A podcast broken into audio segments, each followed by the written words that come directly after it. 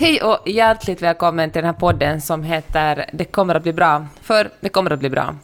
Det här är en podd som görs på Friday Lab med mig, Peppe Öhman, och eh, dig. Jag heter Marianne Norgran, kallas för Maja. Och jag sitter i Stockholm där vi har bytt till vintertid och det är därför väldigt mörkt. Och du finns i Santa Monica. Jag finns i, i Santa Monica utanför Los Angeles och vi har inte bytt till uh, vintertid.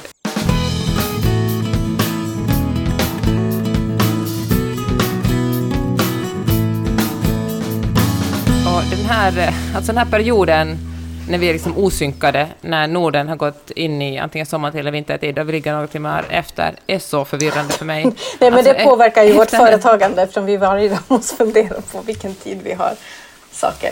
Ja, men, jag kan knappt räkna ut det en vanlig, en, en vanlig vecka och nu liksom när allt kastas upp i luften, det är så förvirrande.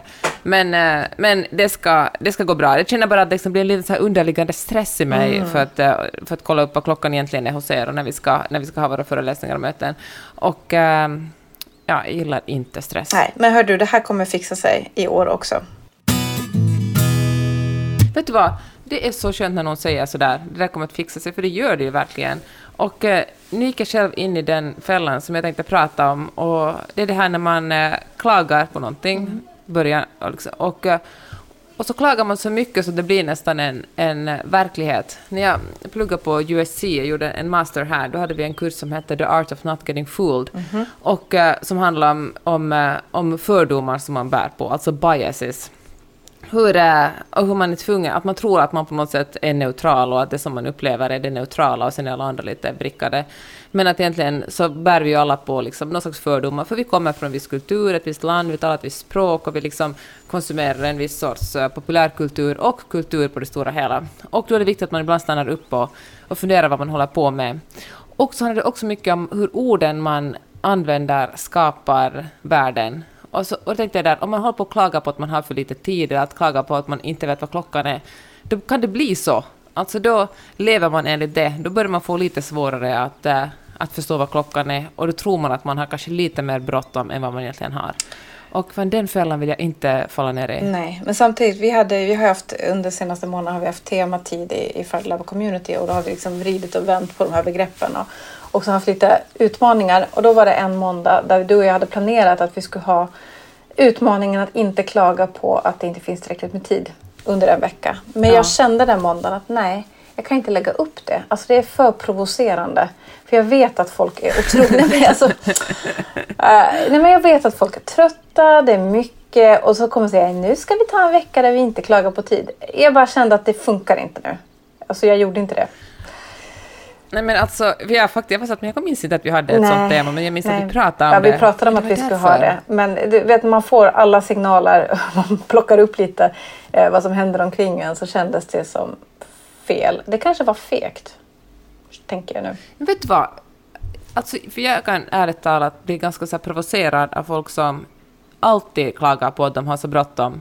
Som om eh, deras tid på något sätt är, eller deras dygn är kortare än vad vanliga människor är. Mm. Alltså jag, då blir, jag blir liksom så att jag drar mig åt andra hållet. Jag får lust att säga att uh, jag har jättemycket tid. Jag har tid att, uh, att springa och rida och läsa och bada badkar och titta på TV-serier och skriva böcker. För att jag tycker att uh, Ja, jag vet inte. Alltså det, det finns någon slags eh, koketterande också med att man har så bråttom hela tiden. Hör du, jag tänker att det finns två olika grupper. Eh, den ena är det här är nu min helt egna tolkning. Men jag tycker att den ena är den mm. som tycker att, att ha mycket att göra ger status. Eh, det handlar om kanske att, att, man i sin karriär har mycket och därför har man hela tiden bråttom. Man, man är i en viktig position, kanske både privat, socialt och på jobbet som gör att tiden inte räcker till och det vill man prata mycket om. Eller man naturligt lyfter det hela tiden. Mm. Det tycker jag är den ena gruppen. Den skulle jag inte ha så mycket emot att säga, hörni nu kör vi en vecka där vi inte klagar på tid. Men den andra gruppen tänker jag är de som känner sig trötta och lite maktlösa. Och när de känner att de, alltså då, då tänker jag att det är typiskt kvinnor eh, med barn, med jobb, med förväntningar på att saker ska göras, där man ska klämma in träning och livet och moster och mamma och eh, alla, alla andras behov först.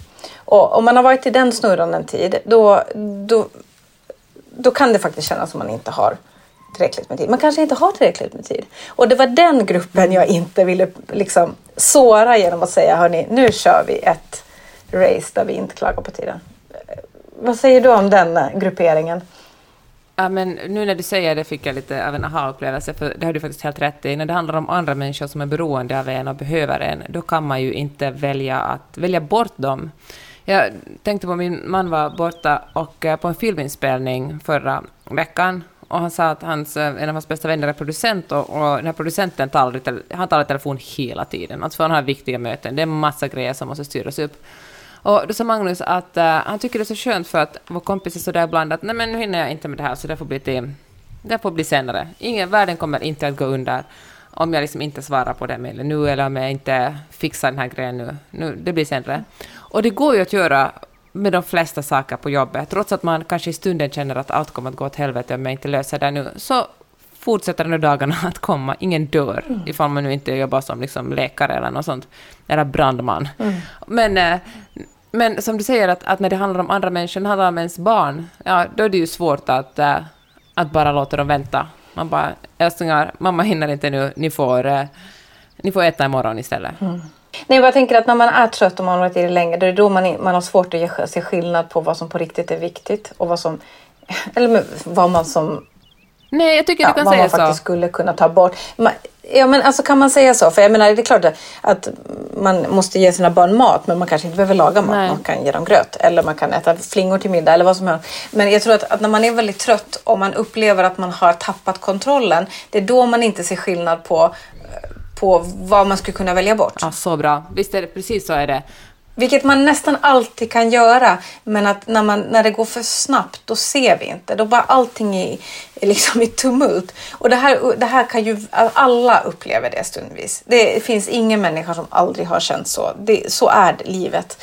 Eh, men att hitta, hitta de här, eh, den här nödbromsen mm Eh, som inte betyder att man släpper allt utan det betyder att man saktar ner för att kunna se vad som är vad. Men man kanske behöver öva på det om man inte har gjort det förr. När jag pratar om eh, vår eh, Friday Lab-kurs, 90 dagar med Friday Lab, då är det jättevanligt att folk säger sådär, men jag har verkligen inte tid att gå på den.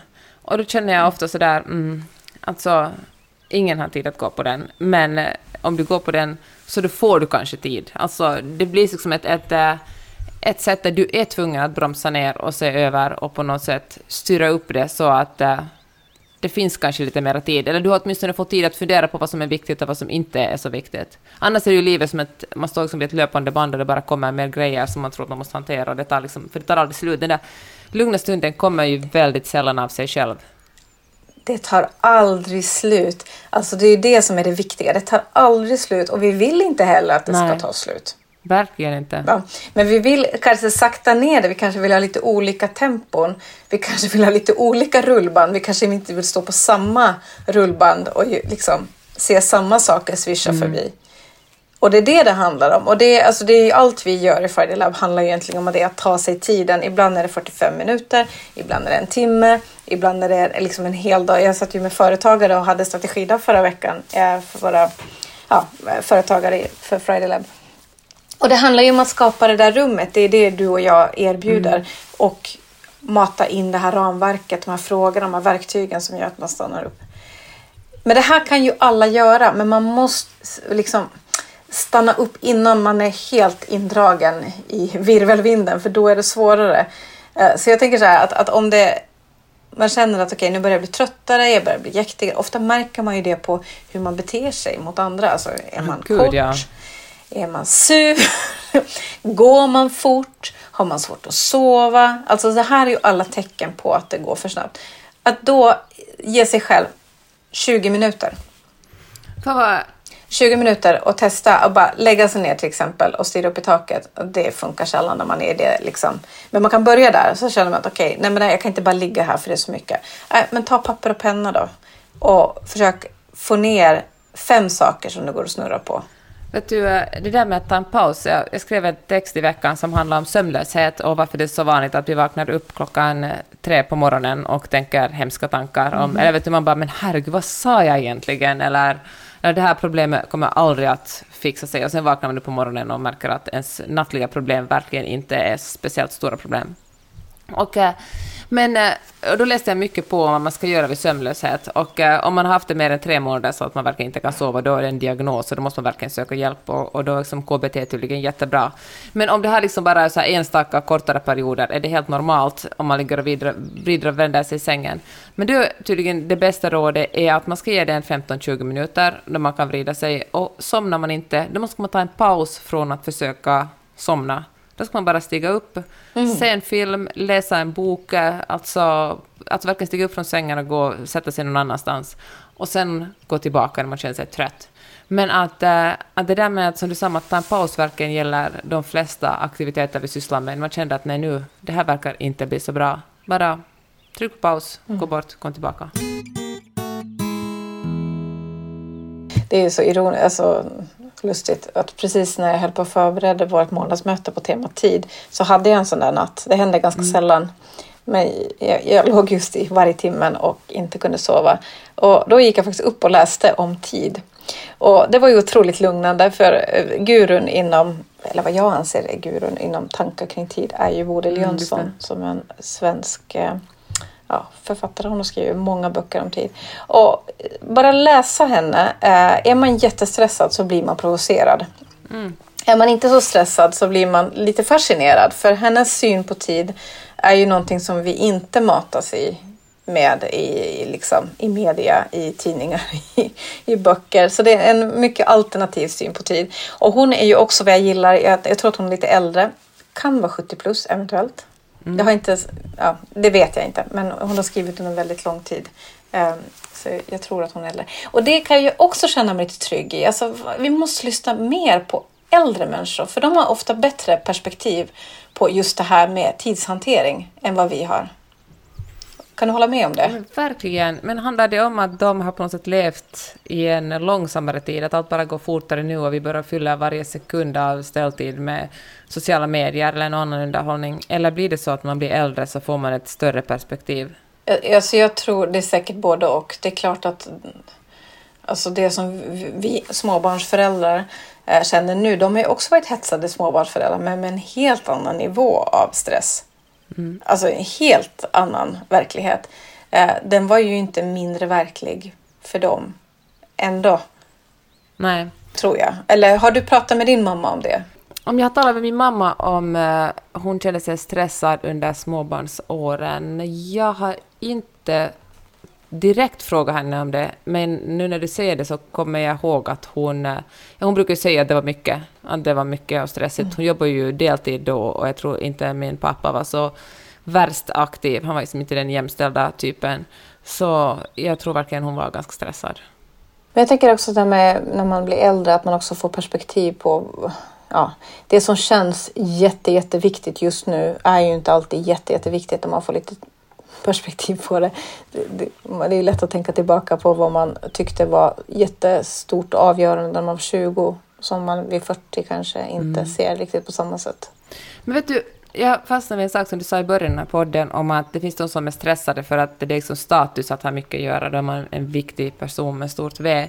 Och jag kan tänka att det där med att äh, vara lite stressad och ha mycket att göra också kan handla om sin, hur man ser på sig själv. För, för mig kan det vara mm. en, äh, en äh, ja, men jag på något sätt kopplar ihop mitt eh, människovärde med min prestation. Jag vill liksom kunna känna att jag har jobbat bra den här dagen. Alltså det, jag har åtminstone, även om det är söndag eller sommarlov eller, eller semester som man säger när man är vuxen, eller så vill jag, vill jag ha varit till någon nytta. Och, eh, och det, kanske, det stressar mig. Alltså en dag då jag, då jag bara har tittat på TV-serier skulle jag antagligen räkna som en väldigt misslyckad dag. Jag skulle, tror jag skulle ha svårt att sova efter det, för jag skulle känna att jag verkligen inte gjort rätt för mig. Vilket ju är sinnessjukt när man tänker på det. Det är sinnessjukt. Och alltså, nu är du och jag båda företagare och det är ju ingen som tidsätter vår arbetstid på något sätt. Och det där tycker jag är så knäppt. För jag, jag trackar min tid för att hålla koll på hur mycket tid som går till olika saker. Mm. Jag känner mig väldigt nöjd om det är mycket timmar på min veckotracking. Mm. Men det är tvärtom. Det är ju inte alls i linje vad min målsättning är för mitt jobbande. Det är, det är så det intressant. Men varför är det så? Alltså jag tror att det handlar om en kultur och bara verkligen hur vi ser på hur ett liv ska levas. Jag läste en text i The Guardian för någon vecka sedan som handlade om time millionaires, alltså, eller röst, alltså rubriken var Tidsmiljonärer.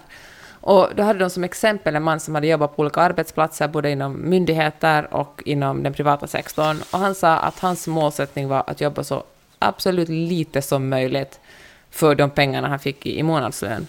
Och uh, han sa att den som har mest tid är den som är rikast. Och det stämmer ju. Alltså, man kan, det stämmer ju delvis. Jag tror absolut inte att man är en lyckligare människa utan att jobba, att bara liksom drälla runt utan någon slags struktur. Jag tror att ett, någon slags meningsfullt jobb ändå är, alltså ger en, ger en alltså gör, gör att man känner att man är en del av ett, ett samhälle. Men, eh, men, kan, men det måste ju finnas någon slags mellanläge där mellan att, äh, att ha tid att göra det som... Att ha tid att ta det lugnt och liksom känna sig tillfreds. Och att, äh, och att också känna att, att man är en, en fungerande del av ett samhälle. För jag tycker faktiskt att jobb är en, mm. en del av ett samhälle. Jag, tycker inte att, jag tror verkligen inte världen skulle vara en bättre plats om alla bara var lediga. Men jag tror inte världen är en bra plats när alla jobbar så hysteriskt mycket. Alltså här i USA jobbar ju folk jätte, jättemycket och det är liksom jättefint att sitta sent på kontoret. I och för sig, efter pandemin håller det också på att förändras. Alltså folk som jobbar inom serviceyrken mm. säger upp sig en massa nu. Det är ett jättestort problem för liksom restauranger och, och äh, men speciellt restauranger men också andra så här serviceyrken där man är tvungen att hantera människor att få arbetskraft. Alltså folk har sagt nej, nu har jag fått en paus i det här och jag förstår hur illa jag mådde av att få jobba så här hårt för så här lite lön och så här få pauser och som väljer att, att helt enkelt leva på mindre. Och det gäller också folk som jobbar på kontor där det vanligtvis har kulturen varit det att man måste verkligen sitta allihopa på kontoret och visa att man är där. Det har till och med varit viktigare än att visa vad man gör. Men efter att ha fått jobba mm. hemifrån är det jättemånga arbetsplatser som har flexat till tiden. Alltså Facebook är till exempel en sån. Jag har en kompis som jobbar där och när han eh, när han började jobba där för några år sedan, då fanns det ingen chans i världen att man skulle jobba på distans. Men eh, för de ville verkligen, de tyckte att det är så viktigt att ha en community på liksom, där på, vad är det, Hacker Road One, Hacker Way One, vad det? Men, eh, men eh, nu för tiden så är det bara, you do you liksom. Jobba där du mår bra av att jobba. Jag tycker det är så spännande att hela kulturen håller på att förändras. Det är ju det, men samtidigt så lärde vi oss också under förra året att vi människor, vi var ju bra av rutiner och en viss rytm. Och vad som är baksidan av att inte ha en arbetsplats att gå till är att det var ju många som förlorade den här naturliga rytmen. Mm. Vet du, rytm och tid, det hänger jättestarkt ihop. Alltså, vi har ju vi har jordens rytm med, med dag och natt och dygn och månad och årstid. Allting får ju, det får ju oss att må bra när vi, vi har en viss rytm. Mm. Men, men också det här med helg, vardag, ja, med kvällar, att inte låta saker vara samma hela tiden. Mm, utan verkligen att... gör skillnad mellan arbetstid och fritid. Det var ju många som tyckte det var jättejobbigt att göra den skillnaden när man inte hade kollegor som man delade plats med, alltså inte har ett kontor dit man förflyttade sig. Ja, kanske det är så. Jag är ju, nu talar jag bara ur eget perspektiv, jag är så förblindad eftersom jag själv jag har liksom jobbat som företagare så länge. Men det är ju såklart också en personlighetsfråga. Alltså, jag ju alltid, jag har liksom aldrig riktigt trivs i jag att jobba på kontor. Alltså jag trivs jättebra på vissa arbetsplatser. Jag kommer att jag älskar att jobba på riksdagen. Men bara det där att äh, befinna sig på en viss plats för att en chef vill att man ska göra det. Usch. Ja, det känns ju inte jättemodernt. Men jag tror ju... Ja, nu blev det här eh, distansjobbspodden. Eh, men jag tror ju att någon sorts hybrid är ju säkert det som skulle passa de allra flesta som sitter i en, ja, en sån roll där man också behöver olika sorters tid. Alltså fokustid, mm. mötestid, verkligen. social tid. Verkligen. alltså, ja, nu lät jag lite väl hård. Jag tror verkligen också att bra idéer sker tillsammans med andra människor, när man är tvungen att... Eh, att eh, när man, alltså fler hjärnor tänker bättre än en helt enkelt. jag vill verkligen inte tycka att alla ska sitta isolerade från varandra och jobba själv. Och jag håller med om det att, att livet blir tydligare och eh, ja, men livet blir lite bättre när man, när man rutar in det på något sätt. Att det gäller kreativitet och det gäller också tråkiga uppgifter. Man bestämmer sig för att eh, nu ska jag göra det här de nästa två timmarna eller bara 20 minuterna är det ju otroligt skönt. Alltså jag tror att man, att man på något sätt gärna gillar ramar. Kan man säga så? Ja, ja men det tror jag också. Jag tror att hjärnan också gillar att få större sjok av tid. Mm att oavbruten tid är någonting som hjärnan gillar. Inte jättelätt, tänker jag. Det är så svårt. Alltså, det är så svårt. Och jag tror verkligen inte att vi alla lider av ADHD. Jättebra att många liksom, som verkligen gör det har fått den diagnosen. Men jag tror att... Eh, fan, gud, jag låter som jag ska vara 95 år gammal när jag säger det här, men jag säger det ändå. Jag tror att sociala medier påverkar oss jättemycket. Att det finns någonting att ta upp. Man bara plockar upp telefonen blixtsnabbt när det kommer en mm. notis, eller bara när det kommer, man blir lite uttråkad. Man bara, jag, nu tänker jag mest på mig själv när jag står och skriver. Och jag bara, åh, du, vad ska jag skriva nu? Jag skriver ett stycke. Ah, kolla om det har hänt någonting på Instagram. Och uh, mm. det där uh, ständiga avbrotten är ju verkligen inte bra för en. Nej, och det är inte bara det, utan om vi stänger av sociala medier så är det andra saker som pockar på vår uppmärksamhet. Det kan vara mailboxen som plingar. Eh, det kan vara människor som frågar oss saker. Det kan också vara det att när vi möter det minsta lilla motstånd så flyr vi in i nästa grej mm. istället för att ja. stanna kvar i det vi borde göra. Vet du, ett sätt tycker jag som jag märker är jätteskönt för min hjärna är faktiskt att läsa böcker. Inte att lyssna eller liksom men att verkligen tvinga mig själv in i en bra historia. Jag tycker att det på något sätt är en... Det, det tränar min hjärna att hålla på med längre sjok. Mm. Att verkligen, och då, men då handlar det också om att boken ska vara tillräckligt intressant för att man ska vilja fortsätta i den. Men det är... Jag tänker att det, det här är verkligen helt min egen teori, men jag tror liksom det är bra träning att vänja hjärnan vid längre sjok av text. Eller längre sjok av ja, den fokus skriver, kanske. Den skriver jag verkligen under. Mm. Sen tror jag också att, att vara lite vuxen, alltså, och då med det menar jag att, att vi, eller vi, jag åtminstone känner att okej, okay, men mina barn, de borde kanske inte vara så mycket på med sina iPads som mm. de är. Men jag vet också att jag är inte den som nu kan säga till dem att nu får ni skärpa er om jag inte skärper mig först. Det är ju, jag har ju ett större problem än vad de har. Och det, orsaken till att det är så är ju att, att vi har regler för dem. Jag har inga regler för mig själv. Eh, och just nu så tänker jag mycket på det att, att man måste alltid börja med sig själv. Alltid. Eh, och eh, och då är det ju intressant att det finns ju massa stöd på vägen.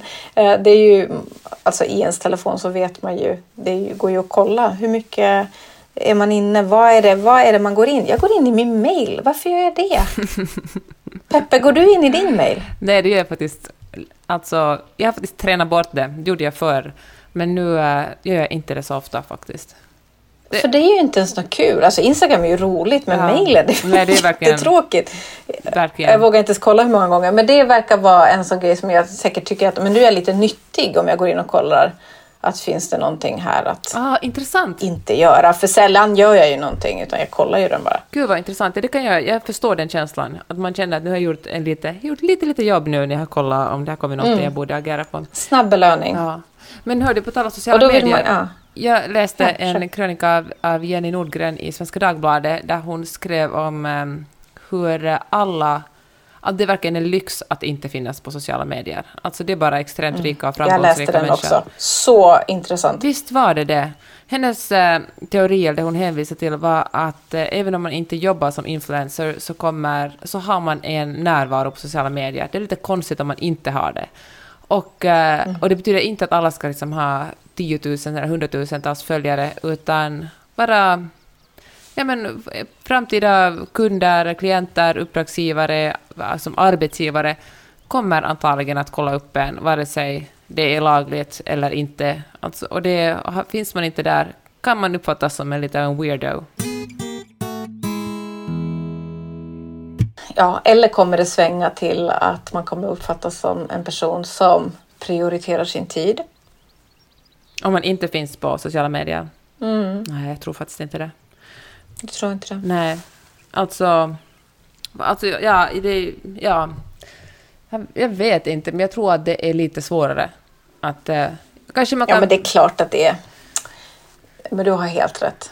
Och sen, men det betyder ju, alltså nu, det som jag säger nu är ju inte det att så därför måste alla nu från och med tillbringa minst fem timmar om dagen med att utveckla en Instagram-profil. Mm. Utan jag menar bara att, eh, att man ska kanske inte vara så hård mot sig själv om man känner ett sug att gå in där, eftersom en stor del av våra liv ändå finns där och andras liv finns där. Att liksom det, det, alltså, men kanske istället för att vara, vara så där svartvit och så att jag ska finnas eller inte finnas där, så kanske man ska göra det som du snackade om, Maja. Helt enkelt studera på sjok. Man bara, jag kollar på Instagram på... Jag menar, gör det tre gånger om dagen. Eller det här låter Mm. som en utopi. Jag kollar säkert 300 gånger om dagen. Men man gör det liksom på morgonen, vid lunch och på kvällen. Och, eh, och sen får det vara. Nej men precis, att ta det, vara den vuxna i rummet och så, dra lite spelregler. Eh, ett sätt är ju bara att lägga bort telefonen för vissa perioder av dagen. Ja. Hur? Eh, Lämna den i ett annat rum. Ja, Nej men hur? Alltså det gör man ju om man bestämmer sig, eller hur? ja, det har du faktiskt helt rätt i. Man gör ju det inte om man tänker att "Nej, men det här löser sig själv. Men kan man göra det på, så, kan man få en belöning för det? Jag tänker att allt som man, alla uppgifter man gör Mm. ska ju få en belöning. Du tipsade mig till exempel om en jättebra app som heter Get Sorted som inte är sponsrad av den här podden olyckligtvis. Åh, Men- nej, och den tipset kommer ju förstås från en Friday Labbare. Som, Ja. Det finns ju svar på alla frågor. Visst finns det. Och vet du, Ja, det, all, alla frågor verkligen. och då tänkte jag där på belöning, för det är världens enklaste det. De har liksom gamified, alltså gjort, gjort att rensa sin fotona på sin telefon cool. Och, och det är verkligen så enkelt att man bara, när man har rensat det 50 stycken, då kommer det fyrverkerier och de bara woho, great job! Och människohjärnan är så funtad att man bara, nej men, det gjorde jag bra, äh, vi kör lite till. Och i ett vips har man plötsligt rensat bort tusentals eh, dåliga bilder på sin telefon. Och då tänker jag det med belöning, kanske man kan utveckla ett system för att man får en liten belöning när man har låtit bli sin telefon för några timmar. Det tycker jag. Alltså redan det här, jag blir ju, eftersom jag nu har några veckor funderat på det här med screen time, så jag blir ju lite glad när det varje måndag plingar till en sån notis att your screen time is down. Mm. Typ 7 procent från förra veckan, det vill säga ingenting. Men det är ändå så att, ja men trenden. Det är väl Fokus jättebra. Det är väl också, det är ju Ja. ganska lång, då måste man ju vänta till en gång i veckan. Det är en långsiktig belöning. Jag gillar det du sa bättre, att man, okay, man lägger bort det för en tid och sen får man Får man hitta på någonting liksom som... choklad. Ja men verkligen. Muta sig själv på något sätt. Jag menar, jag tror att oberoende om det handlar om hästar eller hundar eller sig själv, tror jag liksom belöning funkar mycket bättre än bestraffning. Alltid, alltid, alltid, alltid. För är det någonting vi inte behöver är att ha en sträng röst som påminner oss hur dåliga vi är Nej. eller att vi har misslyckats. Alltså den, den ska vi inte fokusera på. Utan tvärtom, fira varenda framgång. Fira det att man har gett sig själv lite fokustid. Det är ju fantastiskt bra.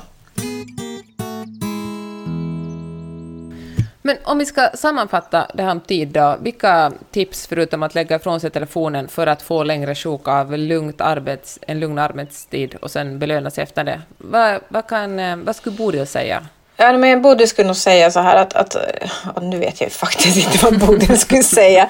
Men så här, och, utan Bodil skulle säga, men du har gott om tid. Det att du inte har tid, det, det är din hjärna som försöker lura dig. Du har tid, du har precis lika mycket tid som alla andra. Och då jag fundera på att, men hur ser livet ut? Var, varför känns det som jag inte har tid? Eh, då kan man liksom ta papper och penna, ta spelka upp det. Vilka delar är det som tar för mycket tid? Som jag upplever tar för mycket tid. Vilka delar är det som får för lite tid? Är det någonting jag kan ta bort? Är det någonting jag vill lägga till? Att man ger sig själv lite 20 minuter reflektion. Att vad är det som händer i min hjärna egentligen? Och sen frågasätta alla de här måsten jag känner att jag har. Går det att vrida på dem? Är det liksom, måste kan ju vara ett måste, men går det, finns det några nyanser i det? Vi sa det här exemplet med maten inledningsvis. Okej, ä- äta måste man, men måste man, måste man laga mat? Kan man skippa laga mat tre kvällar i raden bara för att få lite andrum till exempel? Eller få till en promenad för den skulle. Kan, man, kan en middag vara en gå ut och käka varmkorv på en promenad istället för att samla familjen kring ett middagsbord med uppskurna grönsaker. Alltså det, försöka se, finns det nyanser? Men att inse att en hjärna som snurrar på fullt hela tiden kommer inte hitta lösningarna. Man måste sakta ner för att se dem. Vet Att vad? lita på det. Det tänkte jag också, att se det så här, att ta en paus kan vara att eh, spara tid. För det, det, ju, känns ju Ja. som tvär- motsatsen. att jag- Om jag har bråttom så ska jag väl inte gå långsammare, då ska jag ju gå fortare. Men att ibland kan verkligen det som, hjärnan, det som hjärnan spontant vill att man ska göra vara fel, utan verkligen att tänka att, att liksom, att tid för reflektion kan vara den bästa investeringen i att du ska hinna med mer grejer. Absolut. Så är det. Så tycker jag så här, att tycker man att det här är intressant med tid och små förändringar och vanor och så, annars också är intresserad av vad vi håller på med i Friday Love, så ordnar vi den 14 eh, november, det är söndag kväll, så ordnar vi ett gratis event, en workshop där, där vi pratar om tid. Och det kan man anmäla sig till och hänga med och göra en sån här praktisk övning tillsammans med oss. Och då får man vara med så mycket eller lite. Man, det är ju alltid kul om man är med på kamera, men om man känner att det är jobbigt, så då kan man bara vara med och lyssna. Men... Eh, mm. Ta papper och penna med. Ja. Det blir en trevlig stund. Vi lovar på att man kommer gå ut med lite bättre känsla när man kommer in. Ja. Det är en bra grej att ta tid för reflektion helt enkelt. Verkligen. Och uh, var hittar man anmälningen? Kan du säga det en gång till? Yes, så den 14 november klockan sju svensk tid på kvällen, 45 minuter. Eh, man hittar det dit via vår hemsida fridalab.se eller via Instagram och Facebook där vi heter också fridalab.se. Perfekt. Och det är du och jag och en massa härliga människor ja. som ska ta lite tid tillsammans. Mycket kul kommer det bli och jag, som du sa, jag lovar att man kommer ut med mer energi än vad man hade när man gick in i workshopen. Yes. Hör du, fint att prata med dig Maja. Ja, tack Peppe. Vi sätter punkt här tror jag. Ja, tack för att ni har lyssnat. Tack. Ha det fint. Vi hörs snart igen. Hej! Hej.